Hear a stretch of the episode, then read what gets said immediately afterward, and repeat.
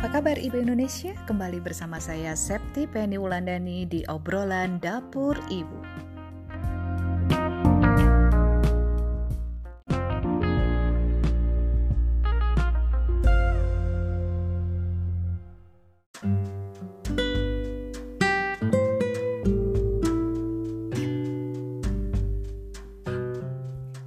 Selamat hari Sabtu, selamat datang di obrolan dapur ibu.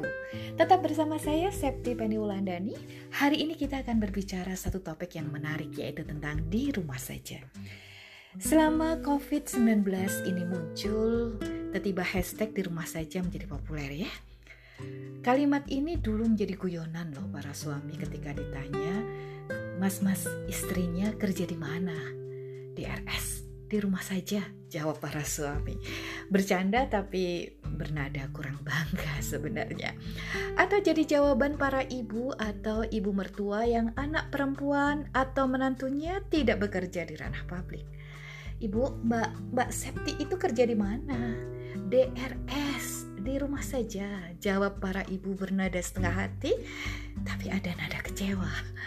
Saya mengalaminya hampir 25 tahun yang lalu saat awal membangun keluarga dengan status ibu rumah tangga, di mana waktu itu ibu rumah tangga artinya adalah perempuan pengangguran, ya kan? Tidak pernah dipilih secara sadar oleh perempuan. Kalau hari ini para ibu yang bekerja di ranah publik dan work from home karena COVID, mungkin masih ada harapan bahwa nanti bulan Juni 2020 kehidupan sudah kembali normal dan bisa kembali beraktivitas. Saya dan banyak ibu yang bekerja di ranah domestik saat itu tidak berani berharap apa-apa. Hari-hari kami sibuk bergelut dengan diri sendiri, melawan jenuh, melawan rutinitas, melawan sepi menepi, melawan kebosanan, dan melawan status sosial yang rawan. Selamat datang di dunia kami, memang tidak nyaman di rumah tanpa kepastian. Euforia itu paling lama cuma dua minggu. Setelah itu, rasa bosan mulai datang. Waktu pun banyak dimakan kegiatan yang berulang. Apalagi kalau ditambah chemistry kita dan pasangan belum menyatu satu sama lain. Di rumah saja itu bisa sepanas panggangan, nyandang. Untung kami segera sadar bahwa harapan itu tidak diberikan. Bahagia itu tidak diberi cuma-cuma. Kita yang harus menghadirkannya. Tidak bisa ditunggu sambil menghabiskan waktu.